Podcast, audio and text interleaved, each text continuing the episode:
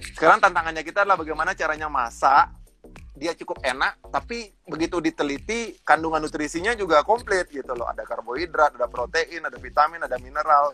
Masak sehat belum tentu enak. Masak enak belum tentu sehat. Sekarang gimana caranya kita masak yang enak tapi sehat?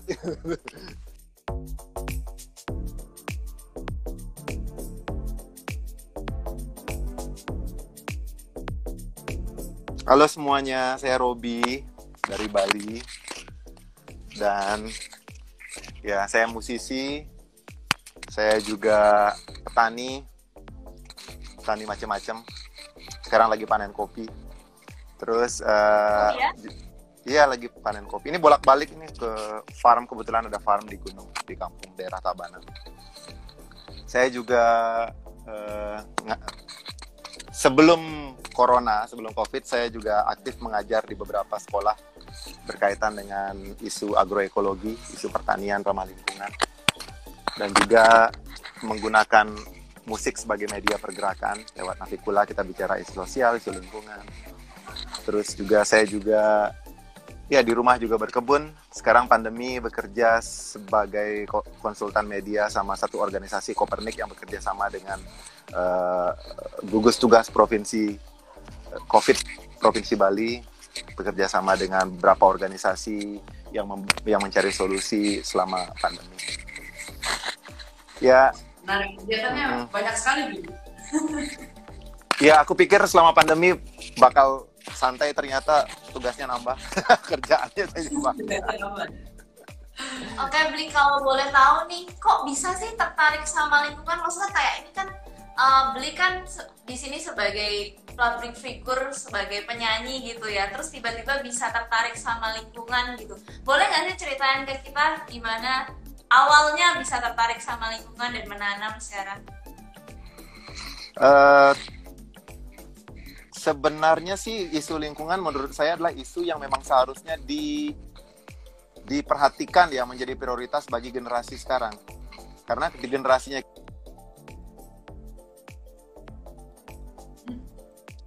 Uh, karena di generasi sekarang lah uh, kalau kita lihat impact dari kerusakan lingkungan paling paling nyata terjadi ya. Jadi saya pikir kalau generasi sekarang tidak peduli pada lingkungan, aku jadi yang nanya, kok kamu nggak care pada lingkungan sih? Padahal ini adalah isu yang paling yang paling sentral saat ini, yang mempengaruhi semuanya perubahan iklim, mempengaruhi ekonomi, mem, uh, mempengaruhi budaya, pencemaran uh, pada laut kita akan mempengaruhi ketahanan atau kedaulatan pangan Indonesia di masa depan akan mempengaruhi seberapa besar, seberapa bagus kualitas hidup. Jadi aku pikir uh, kualitas air dan kualitas lain-lain, kualitas lingkungan akan mempengaruhi kualitas hidup manusia. Aku pikir sih kalau nggak ada yang peduli lingkungan sekarang, aku jadi heran kok nggak peduli gitu. Apa karena jadi sudah seharusnya setiap individu peduli pada isu lingkungan. Kalau aku sendiri sih mungkin ketertarikan isu lingkungan ini gara-gara gara-gara di lingkunganku sendiri juga ya. Kebetulan di Bali kalau kita lihat kan impact uh, masifnya industri pariwisata tapi ada sisi bagusnya sisi positif. Tapi ada juga sisi negatifnya. Misalnya sisi negatifnya kayak overload sampah kayak gitu. Uh, terus uh, kita juga tinggal di Indonesia yang mana sekarang Indonesia lagi gencar-gencarnya juga uh, mencari keseimbangan antara pembangunan sama pelestarian lingkungan. Indonesia lagi tantangan terbesarnya sekarang ini. Dan juga mungkin karena tinggal di Ubud di sini uh, banyak sekali eh, kantor-kantor pusat NGO NGO ada di sekitar rumah gue ya. Jadi lingkungannya kalau aku keluar rumah nongkrong di coffee shop di mana ya ketemunya sama teman-teman aktivis juga. Jadi diskusi kita sehari-hari eh, seputar lingkungan. Eh, kebetulan keluarga juga kita punya klinik melahirkan di Ubud klinik melahirkan gratis ya Bumi Sehat sudah jalan hampir 20-an tahun uh, menjadi tempat persinggahan beberapa teman-teman aktivis teman-teman wartawan teman sering bikin workshop di sini jadi lingkungannya kita ya ngomongnya isu-isu ini juga sehingga secara alami mungkin akhirnya yang di, yang terpengaruh ke saya adalah eh, isu-isu uh, yang tentang sosial dan lingkungan uh, background keluarga juga petani. Dari, ya. dari kesadaran terhadap lingkungan berarti ya beli ya? Iya dari aku pikir apa yang menjadi prioritas tiap-tiap individu itu dimulai dari keluarga sih. kebetulan keluarga konsernya ke situ kita di dari kecil sudah lekat dengan isu ini. Keluarga aku petani lekat dengan isu Arab kaitannya dengan isu lingkungan. Uh, habis itu lingkungan di mana kita tinggal itu akan mempengaruhi isu apa yang prioritas bagi kita. Jadi kenapa tertarik? Ya karena lingkungannya kita yang membuat kita kayak gini berarti awal tuh uh, ketika beli tinggal di Ubud terus beli melihat uh, orang-orang uh, sekitar beli dan juga lingkungan yang semakin rusak lalu terinspirasi menggerakkan diri sendiri diri sendiri menggerakkan keluarga keluarga menggerakkan lagi yang lebih besar gitu ya beli ya? Dan seterusnya jadi menggulung menjadi besar ya? Benar kurang lebih seperti itu. Memang apa-apa kan dimulai dari diri sendiri sama keluarga dulu. Menarik menarik. Mm -hmm. Nah kan ini udah udah lumayan lama nih ber, ber bergelut dengan dunia lingkungan dengan hal-hal terkait lingkungan. Tapi kan sebenarnya masih banyak orang yang sebenarnya nggak ngeh kalau lingkungan itu adalah tanggung jawab kita sebagai individu bahkan bukan ya sebagai individu punya lingkungan. Kan itu bukan urusan gue gitu kan. Mungkin orang juga banyak yang nggak ngerasa kalau satu pohon aja berdampak sama hidup mereka. Mungkin nggak orang belum banyak orang yang uh, sadar akan hal itu gitu. Nah berkecimpung di lingkungan itu tantangan terbesarnya apa sih tantangan terbesar untuk menyuarakan tentang lingkungan itu apa sih? Yang pertama yang seperti Mbak Ira bilang, itu memang tiap-tiap individu harus merasa bahwa itu isu yang yang yang sangat dekat pada kita ya. Biasanya orang biasanya kan tantangan terbesarnya itu adalah banyak orang tidak merasa bahwa isu kalau untuk anak muda ya kita ngomong anak muda kan se, uh, sesuai dengan tingkatan umur ini eh, kebutuhannya akan macam-macam kan kalau begitu orang tua dia akan mencipta aku ingin menciptakan lingkungan yang sehat bagi anakku gitu. Jadi itu menjadi penting ketika dia punya anak gitu. Tapi kalau anak muda kalau kita lihat biasanya anak muda suka pada hal-hal yang menurut dia keren. Sehingga uh, tantangannya kita adalah bagaimana uh, kita me me menularkan uh, apa namanya kepedulian pada isu lingkungan ini dengan cara-cara yang dipahami oleh anak muda. Itu mungkin juga alasan saya bikin band ya nanti pula ya. Karena saya yakin kalau lewat konser, lewat musik, mungkin medianya jadi lebih cair ya, nggak terlalu menggurui lah istilahnya. Uh, lebih fun gitu. Uh, gagasan pertama dibikin Afikula itu sih. Uh, 23 tahun yang lalu saya berpikir wah kalau ini menyampaikan isu lingkungan uh, lewat musik mungkin lebih lebih dan juga pada waktu itu ya waktu awal Navikula dibuat tahun 96 waktu itu saya melihat di Bali sendiri belum belum ada gitu band yang membawakan isu ini. Padahal menurut saya isu ini cukup penting gitu. Uh, sehingga ya yang paling masuk di akal untuk menularkan inspirasi ini adalah lewat cara-cara yang dipahami oleh anak muda. Salah satunya lewat musik. Tantangannya adalah mengemas isu ini menjadi populer dan keren mungkin. Karena isu lingkungan mungkin berat tapi sebenarnya bisa dibuat pop. Dan juga uh, saya pikir menurut saya sih ini sangat objektif. Semakin keren anak muda itu dia semakin peka pada isu lingkungan. Itu berarti uh, kita harus anda anda anda lebih keren kalau peduli lingkungan kita lebih ini kurang lebih kayak gitu. Itu menurut opini opini saya pribadi ya. Begitu saya ketemu dengan ya. orang dia peka pada isu sosial peka pada isu lingkungan respect saya agak sedikit naik gitu. Langsung langsung wah anak ya ini ini keren gitu loh tapi begitu ketemu ya. dengan orang uh, ini kan sangat subjektif ya. Begitu nama orang misalnya tentang isu yang paling yang paling umum sendiri, misalnya tentang isu polusi di lautan gitu, atau isu tentang uh, uh, uh, uh, pentingnya kita menjaga keanekaragaman hayati di hutan. Isu itu aja tidak kesampaian gitu. Aku jadi pikir, apalagi aku lihat misalnya kayak handphonenya bagus gitu misalnya gitu. Maksudnya ada smartphone, ada ada internet di tangannya, terus kamu search apa selama ini kan aku jadi kayak mikir kayak gitu kan jadi eh, kadang-kadang uh, kan uh, apa namanya ketertarikan orang itu mencerminkan skala prioritasnya dia kalau aku pikir begitu orang itu sudah tertarik pada isu lingkungan, oh bagi dia itu prioritas. Aku agak sedikit angkat topi. Wah orang ini cukup cukup sophisticated lah, cukup peka pada isu yang menurut saya isu yang sangat penting. Ya,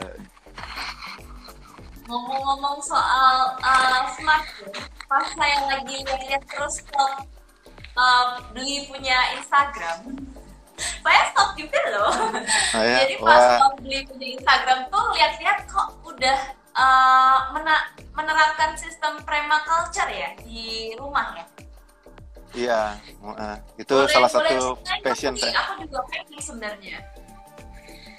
Eh, sebenarnya permaculture itu kan istilah yang dibikin oleh eh, kurikulum pertanian ramah lingkungannya Australia ya. Itu tahun 70-an terjadi gerakan permaculture di Australia. Jadi banyak aktivis-aktivis eh, apa namanya eh, terutama di bidang produksi pangan ya yang menerapkan sistem ini. Bahkan sistem ini sampai di, diperkenalkan ke Kuba gitu. Waktu Kuba kena embargo itu mereka sangat kesulitan pangan. Mau nggak mau mereka harus permaculture gitu. Mereka mau nggak mau harus memproduksi pangan. Sehingga saya pernah dengar eh, Kuba menjadi salah satu daerah yang 80% hasil pangannya dari dalam kota gitu. Hasil pangan kota dipenuhi oleh dari dalam kota itu sendiri. Dan menurut saya keren gitu. Nah, saya kenal dengan permaculture ini tahun 2000 walaupun dengan dunia pertanian dari lahir ya. Ini kan masalah istilah aja kan. Di Jepang mungkin ada pertanian ramah lingkungan, di India ada agroekologi, gerakannya Pandana Siva. Kalau di kita mungkin pertanian selaras alam versi Indonesia. Nah, permaculture ini istilahnya yang dimiliki oleh Australia. Tapi mereka sudah menjadikan ini kurikulum. Maksudnya kalau kamu boleh kamu udah udah ada bukunya, udah ada prinsipnya. Kalau kamu mengajarkan ini, kamu harus ikut kursus, dapat sertifikat, kamu bisa mengajarkan. Padahal intinya sebenarnya banyak sekali yang dipraktekkan oleh kakek-kakek kita dulu. Bagaimana merawat air, bagaimana menjaga kesuburan tanah dengan cara-cara yang sangat organik, menciptakan makanan yang sehat, bagaimana cara pemasaran lewat koperasi. Itu kan dari Bung Hatta dulu kan bapak koperasi kan. Jadi sebenarnya Iya. cara-cara bukan cuma menciptakan pangan juga, tapi menciptakan pasar, menciptakan kerjasama, eh, mem- membawa ini ke ranah politik, bagaimana menciptakan sebuah eh, desain desain kompleks perumahan yang murah tapi eh, tapi berkualitas gitu. Nah tahun 2005 aku nggak sengaja nih aku kerja pada sebuah eh, yayasan di Bali namanya IDEP. Eh, IDEP memperkenalkan permaculture di Indonesia. Waktu itu saya tugas saya adalah menerjemahkan, mengedit dan eh, menyunting naskah eh, kurikulum permaculture pertama di Indonesia. Jadi ada, kalau ada buku permaculture pertama di Indonesia itu kalau lihat ada nama saya di situ sebagai penyunting, sebagai penerjemah, edi- editor dan ya penyunting naskah dan juga ilustrator. Nah, itu kan aku harus baca itu karena menerjemahkan. Waktu itu yang nulis kebetulan juga saya kenal orangnya. Itu saya sempat eh, ke- kenal sama dia waktu saya ada proyek di Timor Leste dulu. Saya ikut organisasi yang berkaitan dengan pertanian juga di situ. Eh, ditulis oleh Lachlan Mackenzie, dia juga petani muda gitu. Eh, cuma begitu saya terjemahkan, saya harus menyesuaikan dengan kondisi Indonesia. Mau nggak mau waktu menerjemahkan saya baca buku itu dari A sampai Z kan. Waktu saya baca dari Udah A sampai Z, ya. Iya, wah dibaca, disunting. Ini cocok nggak untuk alam Indonesia? Karena permaculture sangat fleksibel, dia sangat menyesuaikan dengan kondisi alam dan lingkungan dan sosial kultural masyarakat setempat. Gitu. Eh, akhirnya saya paham dan saya merasa bahwa wah ini pengetahuan yang kakek saya dulu terapkan. Tapi kakek saya setelah dia meninggal, knowledge ini tidak tersampaikan ke mas generasi muda dan begitu saya tanya-tanya ke teman-teman saya ngajar di sekolah, guru di sekolah, yang kayak kayak gini diajarin nggak di sekolah? Di sekolahnya kita SD Impres hampir nggak ada diajarkan tentang, maksudnya minim sekali eh, cara kita bercocok tanam, cara kita memanfaatkan ruang sekolah. Mungkin zaman-zaman Orba dulu ada dapur hidup, apotek hidup gitu, apalah istilahnya gitu. Tapi aku pikir itu eh, eh, eh, sesuatu yang sebenarnya eh, eh, eh, ada hal-hal yang bagus yang bisa dilestarikan kan ya terlepas dari orang suka orba atau nggak suka itu. Tapi ada nggak semuanya kan. Maksudnya ada beberapa hal-hal yang yang menurut saya juga bagus untuk dilestarikan Eh, tapi saya tanya eh, tapi saya begitu saya lihat sekolah-sekolah elit di Bali yang mahal-mahal kayak Green School kok ada gitu? 4 jam per minggu anak-anaknya diajarin bercocok tanam macam sehat. Itu eh, SD impresnya kita kok nggak ada? Padahal budaya pertanian itu kan budayanya Indonesia gitu kan. Betul. Wah itu. Terus dari situ saya bercita-cita bagaimana caranya biar kurikulum permaculture ini sebaiknya penting untuk ada di sekolah-sekolah. Mulailah waktu itu saya minta beasiswa di tempat saya bekerja. Saya ingin mengajarkan permaculture, tapi saya tidak punya uang untuk untuk sertifikat mengajar sebagai desainer. Akhirnya saya dapat beasiswa dari IDEP, ambil sertifikat dua kali, dan habis itu saya dapat beasiswa waktu itu akhirnya eh, belajar di Navdanya University di India tentang agroekologi sama juga prinsipnya. ya akhirnya kecemplung jadi ke dunia akademis dulunya cuma passion dulunya cuma lahir dari keluarga petani akhirnya jadi ekonomis eh, jadi akademis dan akhirnya kerjaan saya tujuh tahun terakhir adalah keliling di beberapa sekolah-sekolah di kawasan Australia, Asia Pasifik lah di Vietnam, di Kambodia, di Cina, Korea itu mengajarkan pertanian, mengajarkan agroekologi. Sampai sekarang di beberapa sekolah di Bali juga masih ada atau menjadi dosen tamu di beberapa kampus yang berhubungan dengan dunia pertanian gitu. Sebenarnya ini en- Australia bisa, tapi sebenarnya informasinya adalah informasi yang dimiliki oleh nenek moyang kita gitu loh. Sayang sampai kalau kita sendiri melupakan eh, eh, apa pengetahuan-pengetahuan ini gitu loh. Nah, ini kebukti begitu pandemi akhirnya orang mulai shifting prioritas ternyata berkebun di rumah itu bisa menghemat pengeluaran, eh, mulai kan gerakan berkebun. Eh, Anak-anak belajar di sekolah mulai belajar memasak, mulai belajar menanam macam-macam, mulai bikin sambal. Ini sebenarnya pengolahan makanan pun juga ada di permaculture. Jadinya sebenarnya pengetahuan itu bukan cuma matematika, fisika apa semua, tapi juga life skill yang bisa kemakmuran itu bukan hanya hanya kita mencari bagaimana cara meningkatkan penghasilan kan, tapi juga Ya. menghemat pengeluaran kan. Kalau menghemat pengeluaran sama meningkatkan penghasilan, aku pikir sama-sama mencapai kemakmuran gitu. Biarpun beberapa peningkat penghasilanmu setinggi apa pun, tapi kalau kamu boros banyak keluar untuk hal-hal yang tidak perlu juga, aku pikir eh, jauh panggang daripada api untuk mencapai kemakmuran. Nah, permaculture mengajarkan kita untuk untuk berhemat sebenarnya. Dan ini bisa dis- di- dilakukan skala rumah tangga, bisa dilakukan kalau rumah tangga bisa melakukan sebagai institusi terkecil dari sebuah negara itu kan rumah tangga.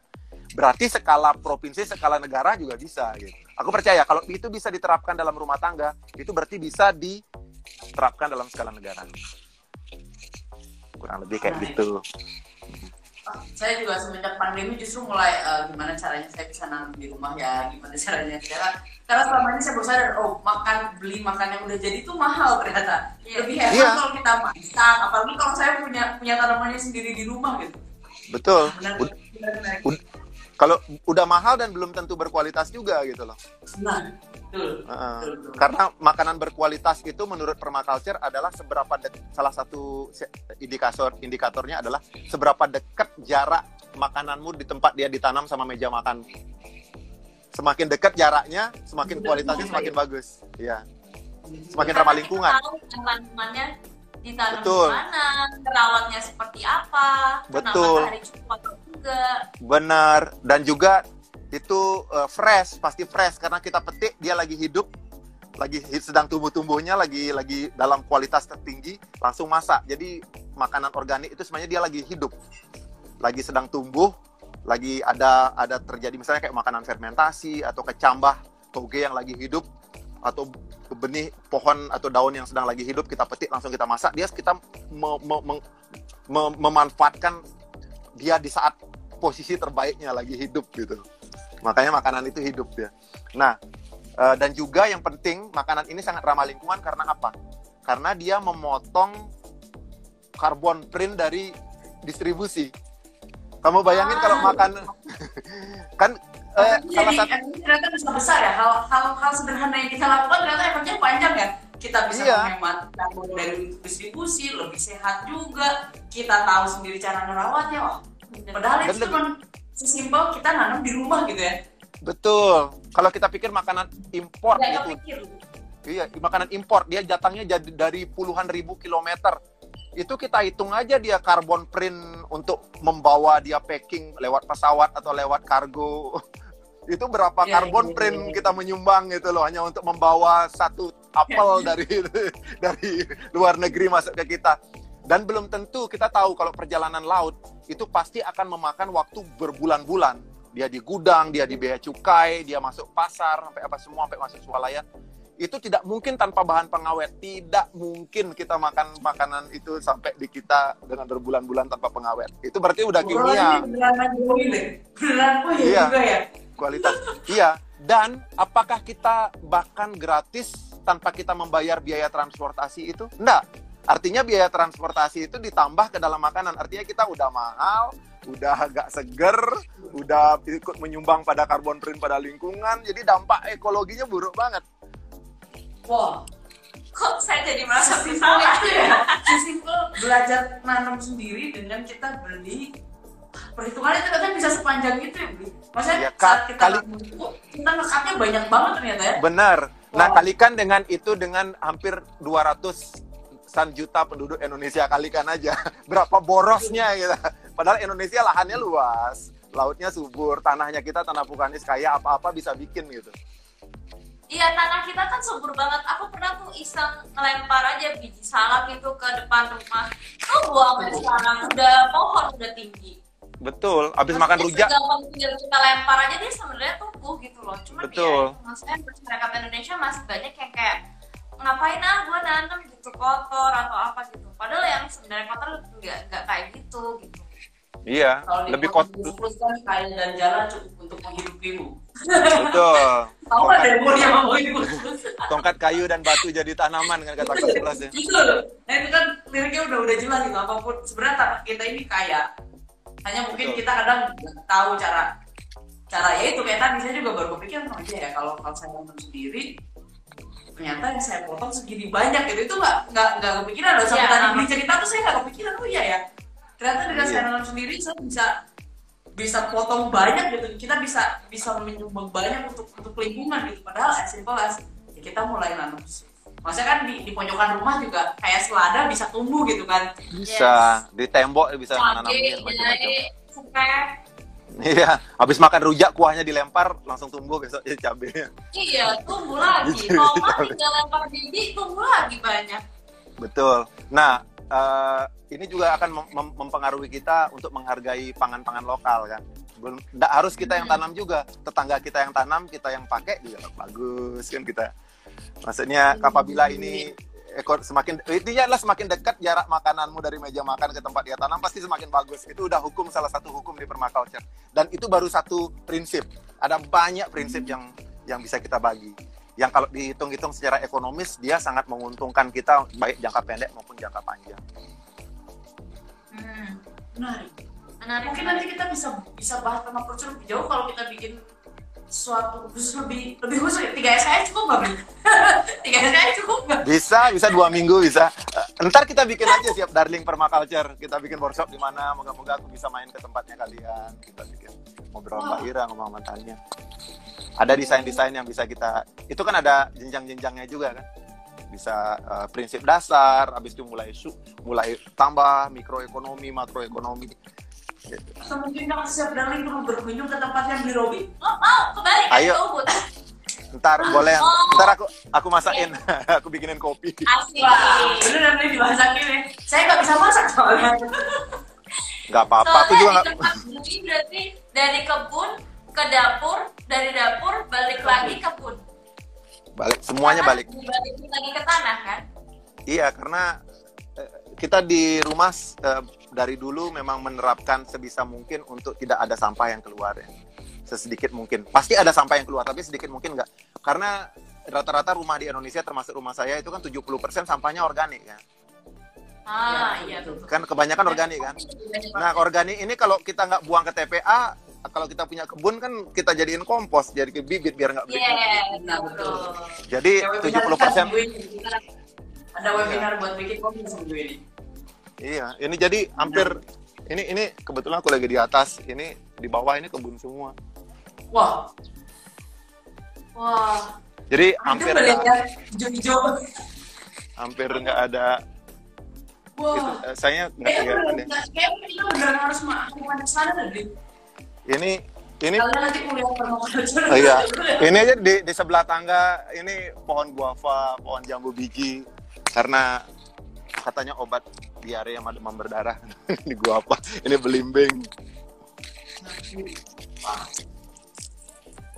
Eh, intinya adalah sebenarnya kalau kita mau budaya menanam itu sangat mudah diterapkan. Dan nenek-neneknya kita juga orang tuanya kita juga dari dulu kan piara ternak bisa piara kambing di rumah piara apa ayam piara bebek. Itu kan udah punya tempat sampah kita kan. Sisa-sisa makanan kasih makan mereka gitu.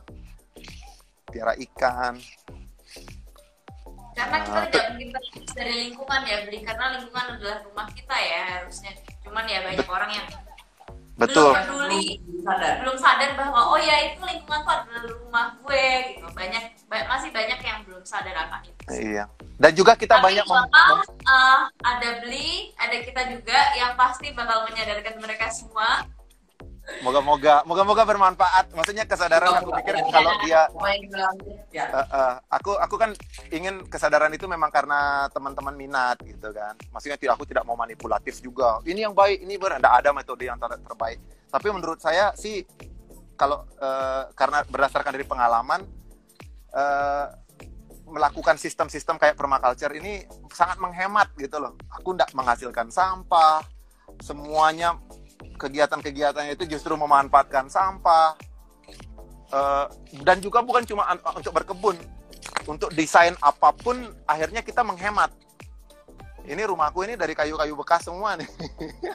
Wah, ini ini kayu bekas nih itu rumah.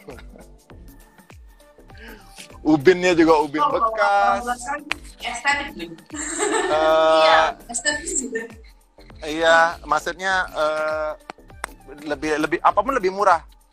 Eh, karena sudah terbiasa dengan memanfaatkan yang orang pikir sampah, tapi kita eh, pakai lagi, sehingga di di dalam bikin apa pun kita kayak gitu. Bikin karya pun, bikin musik pun, orang cari inspirasi sampai jauh-jauh apa semua. Kita karena udah terbiasa mem- mem- mem- memanfaatkan potensi lokal, Eh, kita wah ini jadi inspirasi obrolan kita chat sekarang pun aku bisa jadiin lagu karena otaknya kita udah terlatih untuk selalu mem- memanfaatkan inspirasi itu bisa dari apa aja gitu. Ya.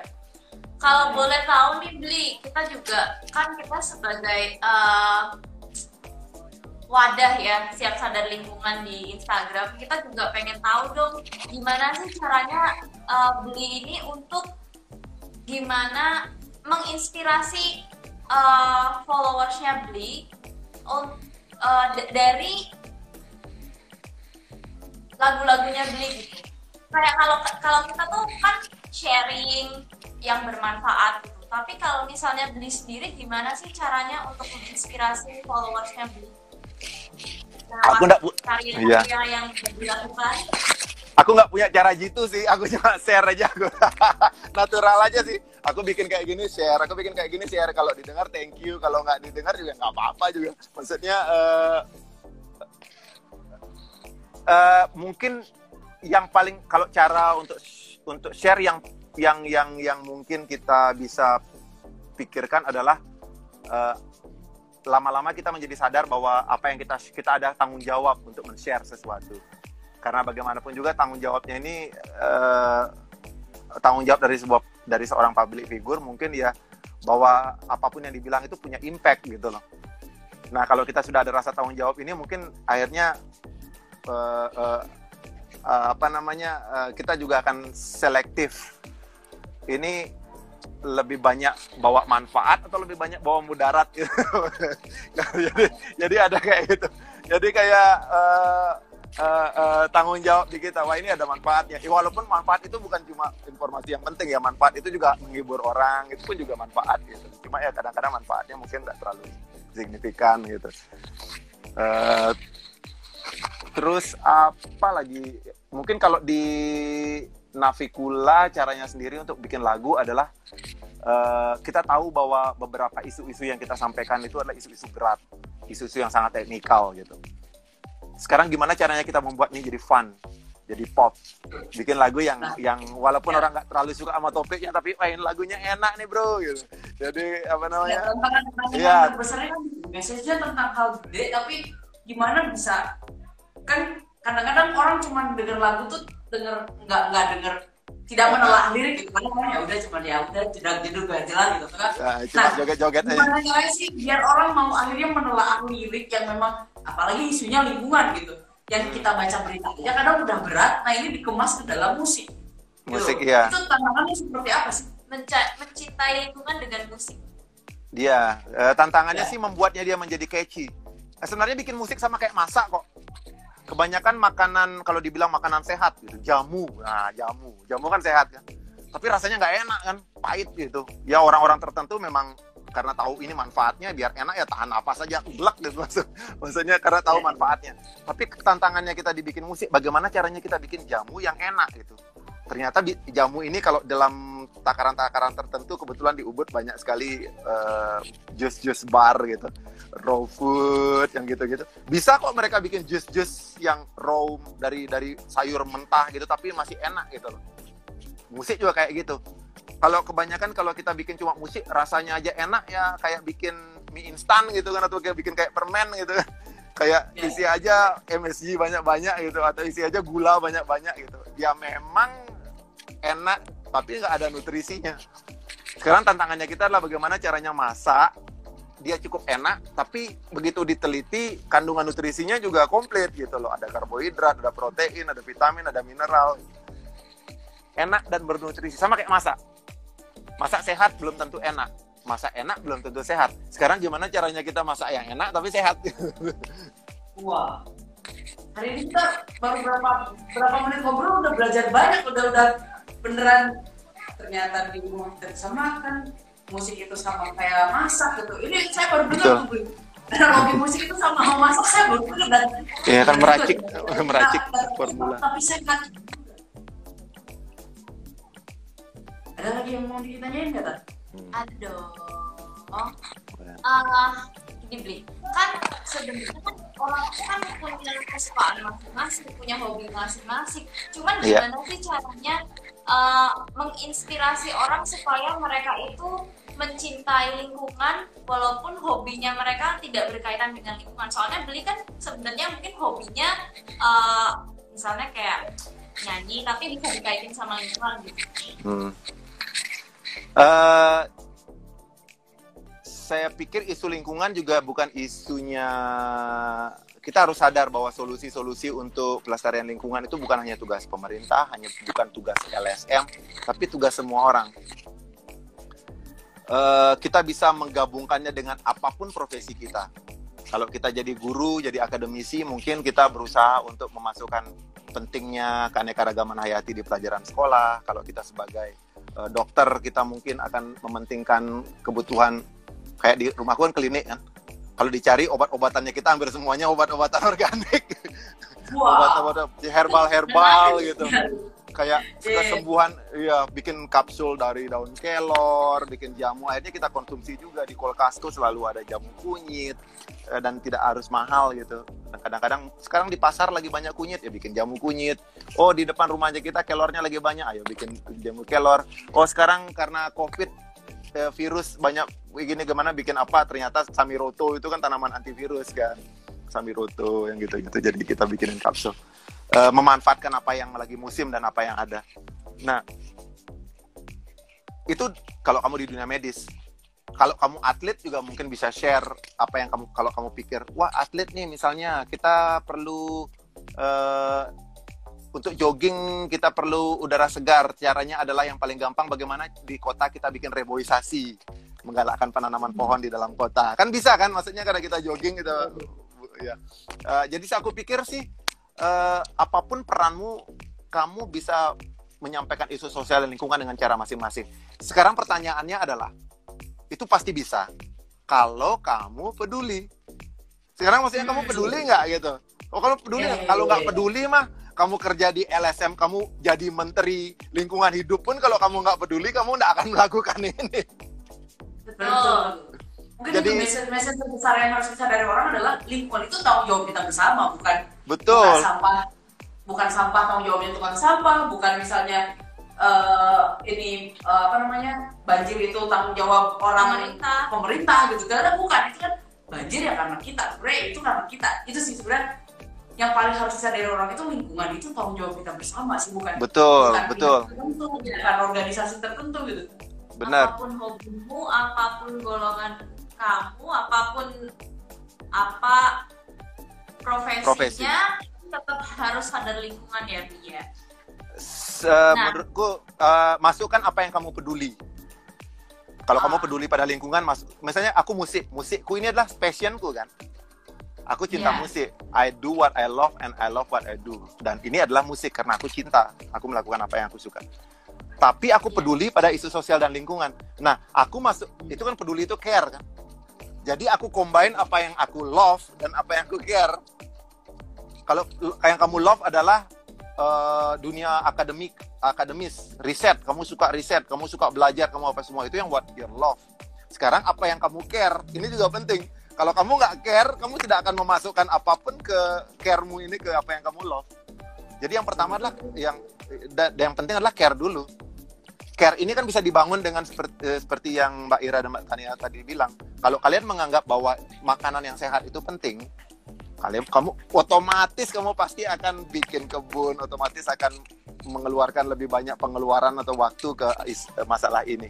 Kalau kamu care pada uh, bahwa ternyata jadi di pandemi ini, nah anggaplah pandemi, pandemi ini industri pariwisata, industri penerbangan sama industri event or event mati. Kayak di Bali, pariwisata mati gara-gara satu kali pandemi yeah. langsung dead, langsung semuanya dead. Eh, ternyata yang menghidupkan aku, syukurnya aku selain sebagai orang event, aku sendiri dari dulu, dari berpuluh-puluh tahun yang lalu, aku juga orang pertanian. Aku punya ah. farm, aku punya kopi, aku punya sayur apa semua. Yang menyelamatkan aku sekarang selama pandemi yang ngisi kulkasku apa? Untung aku punya farm. Untung aku paham pertanian. Coba kalau aku ya aku tidak bisa kayak gitu. Coba aku plak 100% musisi.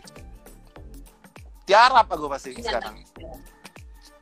Uh, kadang-kadang impact lumayan berasa kayak kalau lima enam bulan nggak nggak manggung gitu kan benar biasa biasa event itu ada terus gitu Betul. Mungkin aku waktu sebelum pandemi aku ngomong tentang isu pertanian apa semua teman-teman di atau di workshop musik di apa semua teman-teman bilang ah nggak peduli ya ah ini kurang keren apa semua kurang keren.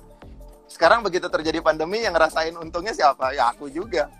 Maksudnya kadang-kadang eh, kadang kadang-kadang aku juga bilang sama teman-teman kalau di Nah, itu kan bener gua bilang kan maksudnya bener aku bilang dulu kan. Kamu harus kamu harus punya cukup pengetahuan tapi kamu juga harus kenyang di perut gitu loh kalau kamu kenyang tapi bego itu nggak ideal. Kalau kamu pintar tapi lapar juga nggak ideal gitu loh. Jadi uh, balance gitu.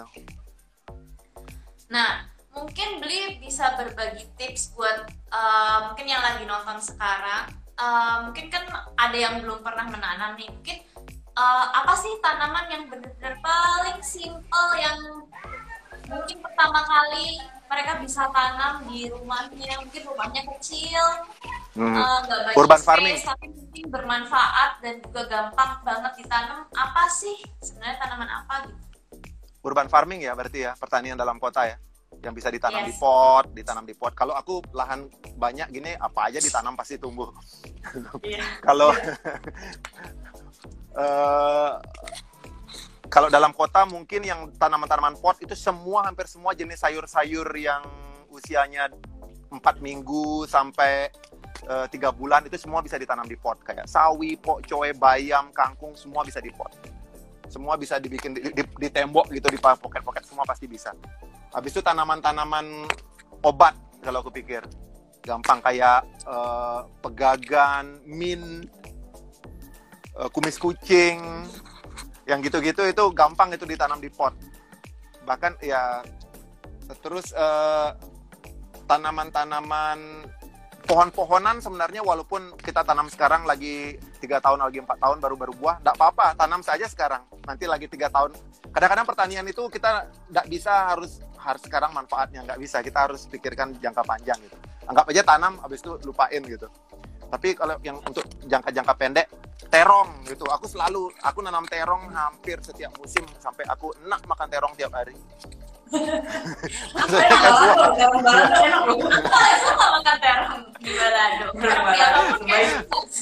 Sampai aku kasih ke tetangga ini mbak mbak sebelah rumah ini terong mbak. Nah eh, tomat itu gampang juga. Cabe apalagi. Cabe termasuk salah satu tanaman yang di semua kondisi dia hidup. Uh, terus uh, hidroponik kalau hidroponik ya jenis sawi jenis tanaman-tanaman sawi jenis tanaman-tanaman kangkung itu paling gampang. Tapi yang paling mudah yang mau sekarang tanam lagi dua hari udah bisa dimakan itu gini toge. Oh, oh ya benar. Saya udah serius dengerin. Apa apa ternyata toge. Oke, kacang hijau kamu rendam air. Kacang hijau kamu rendam air lagi dua hari udah udah dapat toge lah. ya tapi toge Cuma- paling gampang tuh? Nah, Toge paling gampang. pasti pernah praktek nanam ini Nanam toge kan ditaruh di kapas basah ya. Oh, iya. Tanam di kapas Ya, ada yang basah. Kalau di, di pekarangan rumah tapi diserang tikus terus solusinya gimana tuh, Bli? Mau nanam Eh. tapi punya tikus. Oh itu nanya nanya sama orang Manado mungkin orang Manado jago masak tikus. mau bikin mau bikin gulai tikus. Nah, kadang-kadang eh, piara kucing. Kan kadang-kadang solusi-solusinya gampang-gampang kan. Kalau kita mau kadang-kadang kan kalau di permaculture tuh eh, eh, melawan hama dengan predator. Oh, bener. Iya, Sama kamu ada masalah masalah tikus. Oh iya, piara kucing. Jadi kadang-kadang eh, eh, solusi-solusinya ya, ya, ya gitu. Terus eh, eh, ada banyak-banyak sih ada yang mitos-mitos kalau di Bali bilang kalau kamu piara jangkrik, tikus kadang-kadang nggak suka sama suara frekuensi tingginya jangkrik gitu. Eh, mm-mm. Atau eh, piara kucing sih yang yang yang yang yang paling masuk di akal ya maksudnya yang yang yang, yang paling gampang. Atau juga mungkin tikus itu ke- kenapa suka masuk rumahmu itu kan karena kamu menciptakan habitat buat dia kan mungkin ternyata kamu disuruh untuk bersih bersih mungkin sering-sering bongkar gudang gitu. Daripada- laci-lacimu dibuka gitu. Betul. sampah. Kan kalau di kota itu sampah suka ditaruh di depan benar. Betul. Mungkin sudah baiknya kalau satu RT diserang tikus mungkin sudah baiknya ngadain rapat RT yuk kita bersih bersih sekarang. Mungkin skalanya juga harus lebih ke skala yang lebih luas bukan hanya rumah tangga tapi juga sama sesama tetangga gitu karena mungkin sampah organiknya tidak di Tidak dipilah. tidak di, tidak dipilah dan jadi sampah organiknya tidak diproses Diolah. lagi jadi langsung dijadikan satu di tempat sampah jadi makanya tikus bisa ke tempat sampah itu akhirnya iya benar atau kenalan sama teman yang hobi reptil gitu piara ular nah, jadinya kan ada makanan buat si ular Beli ini ya, beli apa? Monster. Monster. Perangkap tikus. iya apa sih? Nah ini ada ada pertanyaan menarik nih Bli. Apa sih yang pernah dilakukan Bli Robi pada umur 20 tahun untuk lingkungan? Umur 19, 20 saya masih ya masih umur 19 20 itu masih ada masih di kuliahan masih di kuliahan ya masih iya masih Iya, itu zaman-zaman aku kuliah semuanya zaman-zaman aku lagi senang lagi panas-panasnya terhadap isu-isu lingkungan yang terbaru. Waktu zaman tahun-tahun itu eh, umur 20 itu setiap ada NGO buka lagi dicari sukarelawan tentang isu gini, lagi dicari sukarelawan kita mau buat seminar, dicari tenaga sukarelawan. Aku selalu mendaftar. Karena pada waktu itu aku merasa bahwa aku cari pengalaman aja. Aku akan ketemu dengan orang baru, aku akan belajar. Jadi aku sebisa mungkin haus sama pengetahuan. Jadi ada jadi volunteer di sini, aku ikut jadi volunteer, sukarelawan di situ, jadi sukarelawan situ, sukarelawan gempa bencana alam aku ikut. Pokoknya sebisa mungkin aku menggali, mendedikasikan. Toh juga aku merasa bahwa tidak rugi kok ini daripada aku diam di rumah nggak dapat apa-apa. Kalau ketemu dengan orang baru, ketemu bekerja dengan organisasi baru, aku belajar cara berorganisasi. Eh, umur aku masih ingat umur 19 itu sama teman-teman di kampus kita justru bikin LSM sendiri bikin LSM namanya Bali Ecotourism Care sesama teman-teman kampus bertiga waktu itu itu kita belum tahu nggak tahu caranya dunia LSM kita hanya bikin aja pada waktu itu karena kita waktu itu ingin bikin sebuah gerakan ekoturism karena di Bali kan industri pariwisata. Kita sadar bahwa pariwisata banyak berpengaruh pada kerusakan lingkungan. Waktu itu kita ya namanya anak ABG lagi ah, lagi pingin ini pingin itu maunya banyak gitu kan yuk kita bikin aja yayasan ekoturism yuk bagaimana caranya kita masih tetap dapat uang dari pariwisata tapi kita bisa eh, membuat ini jadi sustainable akhirnya kita bikin yayasan ekoturisme waktu itu belum ngetren loh itu tahun 7, 9, 8, 9, 99, 2000 itu ekoturisme belum ngetren Iya. Ah, kalau untuk lingkungan, sudah berjiwa aktivis dari uh, muda Kalau- ya berarti. kalau justru Navikular aku bikin waktu aku umur 17. Oh. Lirik-lirik lingkungan Navikula, lirik-lirik lingkungannya itu kebanyakan lagu-lagu yang aku tulis waktu SMA. Ah, Tapi saya setuju sih, Bri. Saat kita berstatus mahasiswa atau ya mahasiswa itu beneran status status emas itu loh. Kita bisa kita bisa melakukan sebanyak mungkin yang kita ingin lakukan dan mungkin saat itu juga kan beban hidup belum terlalu seberat sekarang ya. Belum bikin Betul. cicilan, belum bikin keluarga, belum bikin apa. Justru itulah di saat kita beneran nyari pengalaman sebanyak-banyaknya, nyari cari ilmu sebanyak-banyaknya gitu itu saya setuju sih karena daripada cuma kuliah terus pulang atau bong-bong waktu kuliah terus nangkring mendingan kita Hmm. cari sesuatu yang berguna untuk untuk untuk mengembangkan diri kita itu saya setuju sih saya setuju Iya. Itu Setuju. itu setuju banget. Itu adalah luxury. Paling banyak waktu. Makanya aku heran bilang anak muda, anak muda, anak kuliahan sampai ke kampus, di kampus belajar sampai di rumah, diam di kamar, buat apa? Kamu buat diam, diam di kamar juga kakekku juga bisa gitu loh. Orang kerja diam di kamar itu orang udah mau pensiun gitu, udah nggak eh, sakit encok, nggak bisa ke mana-mana di kursi roda, mungkin ya di kamar oke lah gitu loh. Udah tua itu nanti kalau kamu udah tua, kamu masih muda ya terjun ke lapangan, belajar dari alam, jalanan adalah sekolahmu. Ciptakan di mana kamu bisa bertem me- menghasilkan apa e, berkontribusi pada masyarakat sebanyak-banyaknya. Bukan cuma berkontribusi tapi juga belajar gitu. Jadi kalau anak kuliah di kamar tok ya Anda agak salah ya. Mungkin siapa tahu lebih aman dia teknisi komputer gitu, gig gitu. Aku juga banyak habisin kamar di kamar untuk belajar gitar gitu. Eh, tapi setidaknya mungkin sekarang juga dunia udah berubah juga. Orang bisa dapetin informasi lewat online juga kan. Jadi mungkin lebih banyak di kamar. Tapi online pun itu kamu dapat informasi kan. Kamu berbagi online juga kamu berbagi informasi pada orang. Informasi menurutku ini masih dalam batas gagasan. Masih dalam bahas idea. Nah, idea ini hanya akan menjadi macan di atas kertas, tidak akan ke mana-mana. Makanya ada dibilang tweet tipis kan, kamu kamu merasa sudah berkontribusi hanya dengan me-retweet gitu. Itu nggak akan ke mana-mana gitu, hanya berbagi gagasan aja gitu loh. Berbagi Ya, ya, ya, opini gitu aja. Opini perlu di dibicarakan, didiskusikan dengan kamu berinteraksi pada orang langsung juga gitu loh. Eh, ini akan me- me- me- melatih kita untuk belajar bersosialisasi, berinteraksi langsung. Jangan lupakan itu, jangan lupakan kalau kita hanya bisa berorganisasi lewat eh, berkomunikasi lewat WhatsApp, lewat apa semua, jangan lupakan berkomunikasi dengan cara langsung juga. Ini akan melatih kita untuk untuk berorganisasi, untuk menghargai pendapat orang lain, untuk uh, bekerja sebagai tim.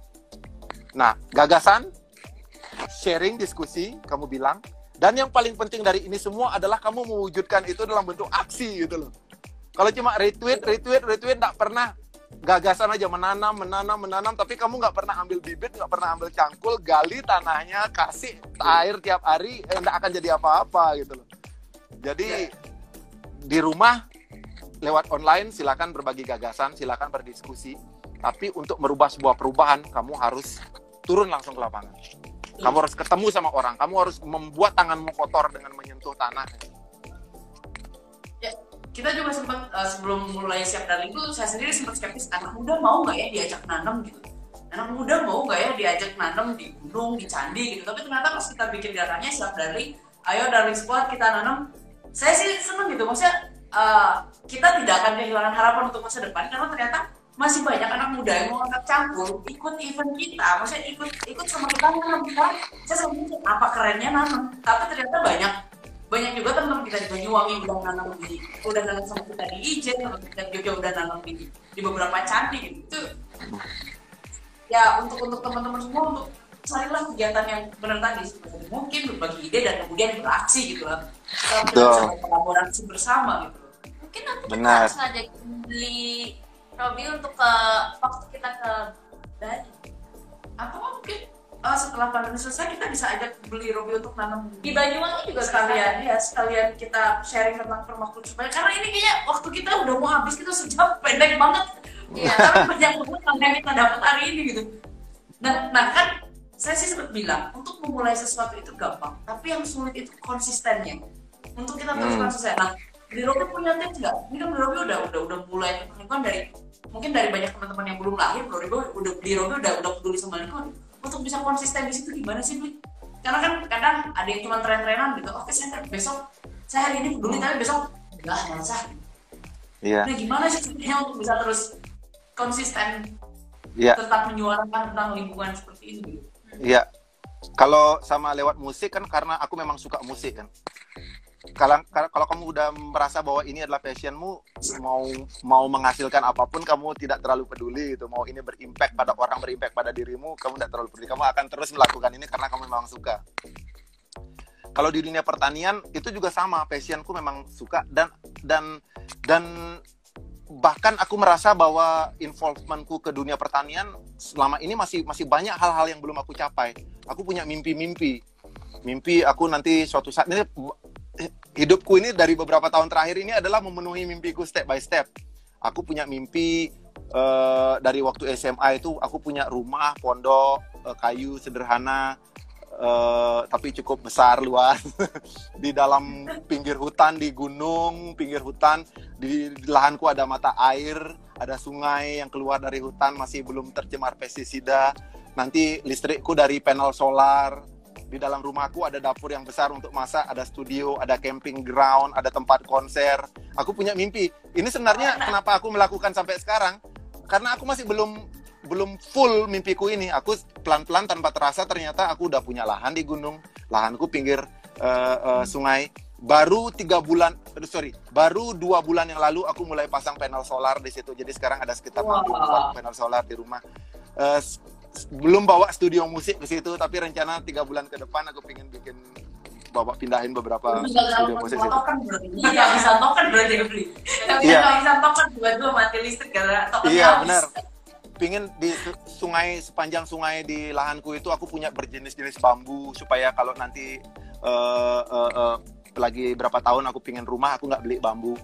Ternyata tujuh tahun yang lalu bambu yang aku tanam sekarang udah udah udah udah gede-gede gitu. Kadang-kadang kan investasi-investasi jangka panjang ini kan kita hanya duit aja kasih restu step by step. Salah satu konsistenku karena mungkin mungkin mimpiku terlalu besar gitu dan belum belum belum belum tercapai satu-satu. Masih aku dalam proses untuk membentuk mencapai ini one by one. Makanya konsisten dari dulu sampai sekarang. Karena sebenarnya mimpiku dari SMA aku lagi lagi lagi lagi penuhin one by one sampai sekarang. Yang berikutnya mungkin yang membuat kita konsisten adalah aku udah menemukan eh, eh, benefitnya, udah menemukan keuntungannya. Eh, ke- ternyata hobiku di dunia kopi ini akhirnya membawa aku terlibat dalam beberapa beberapa kegiatan kopi yang keren kan kayak diajak di, film filosofi kopi diajak berkeliling eh, Oh iya, gitu. iya Eh, ini diajak bikin lagu diajak keliling Indonesia ketemu dengan kedai-kedai kopi itu ada program dulu di TV Viva Barista diajak ke situ. Aku udah ketemu gara-gara aku tertarik pada gara-gara Navikula membawa isu lingkungan. Walaupun kita mungkin zaman 15 tahun terakhir mungkin di Indonesia tidak terlalu dianggap keren tapi Navik- Navikula hampir tiap tahun kita diundang festival ke luar negeri main di keliling tour di berbagai macam negara. Kita udah keliling dunia gara-gara apa? Gara-gara Navikula isunya isu lingkungan. Kalau kita nggak isu lingkungan mungkin nggak akan diajak main di festival-festival keren di seluruh dunia gitu. Jadi benefitnya aku udah rasa aku akhirnya melakukannya sampai sekarang. Eh, pandemi inilah contohnya benefitnya. Ya aku nggak terlalu banyak menghasilkan lewat musik. Ternyata gara-gara aku punya kebun aku nggak terlalu banyak pengeluaran Eh, kulkasku masih masih bisa makan enak setiap hari gitu kebayang kan kalau aku nggak tertarik pada isu lingkungan mungkin sekarang aku cuma makan mie instan aja tiap hari gitu paling gampang dicari. Iya. Tapi eh, itu tadi itu yang pertama adalah karena passion, yang kedua adalah kita punya mimpi yang banyak, bukan cuma mimpi untuk kita tapi mimpi untuk masa depan. Kan aku investasi juga ini di di lingkungan ini juga untuk anak cucuku kelak kan. Eh, punya kebun, punya apa semua. Aku lebih bangga menghasil mewariskan mereka kebun di gunung gitu. Nah, itu belum sekarang lagi ter- lagi dalam proses sehingga masih konsisten sampai sekarang. Yang ketiga adalah karena benefitnya aku udah rasa, keuntungannya aku udah rasa. Itu makanya konsisten. Tidak terasa ya. Kita ngobrol udah mau sejam loh. Udah, udah lima menit Wow. terakhir. Mungkin ada pesan-pesan terakhir sebelum kita mengakhiri live guys Oke. kali ini yang kayaknya mungkin kita harus bikin kita harus ngajakin beli udah deh ini saya Iya. masih penasaran banyak deh sama beli Rofi masih pengen ngobrol panjang dan nih. nanti kalau udah selesai pandemi kayaknya memang harus diajakin untuk nanam Iya. di candi Ayo dong. karena kita Mungkin program baru candi Wah, darling Oh, seru. namanya dulu ya, ya. Belum pernah Oh, nanam iya. di candi Nah, saya udah punya tanaman di candi ayo ayo ayo. Mungkin eh, pesan-pesannya terakhir ini kita diskusi ini adalah kita sharing gagasan dan idea. Eh, next kita tadi itu nanam candi darling action. Iya.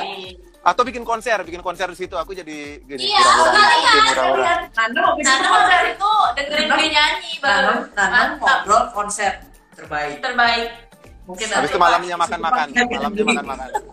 Bener, abis itu makan-makan. Habis itu makan Iya. makan Bener, bener, bener. Ayo, ayo. kayak gitu Jun Good Kami idea. beli boleh satu lirik lagu untuk penutup sebelum kita dadah-dadah?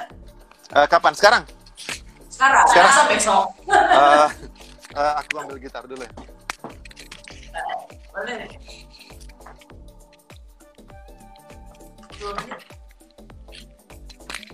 Eh, Semoga belum tidur udah iya pasti capek ya. tiba-tiba mati Berarti Ah. nextnya kita main bareng, kita ngobrol bareng, kita konser bareng. terima kasih Yeay. Terima kasih. semuanya selamat menikmati Itu nggak dari pulau ini. eh, sorry.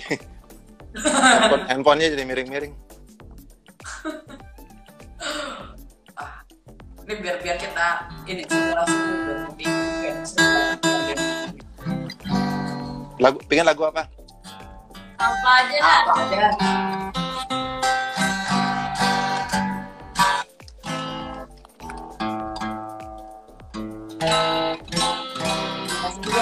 Nah, eh, dengerin kita ngobrol sejam. yang yang yang hop hop ya, yang hop hop ya, yang apa? Membangun Iya, harapan iya. ya. Judulnya Ya udah mau percaya udah kita, mau mati di sini. Iya lagi udah mau sejam. percaya kita bisa.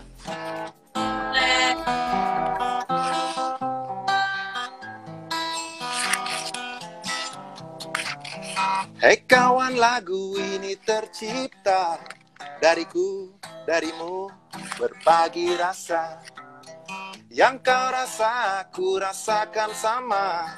Marilah ya kita satukan asa, ambillah bagian dan. Yang kau alami pun ku alami Melihat, berbagi, dan menjalani. Yang indah biarkanlah lestari Yang masalah ubahlah jadi solusi. Ya, ayo kita bersama-sama cari solusi, Semua yuk.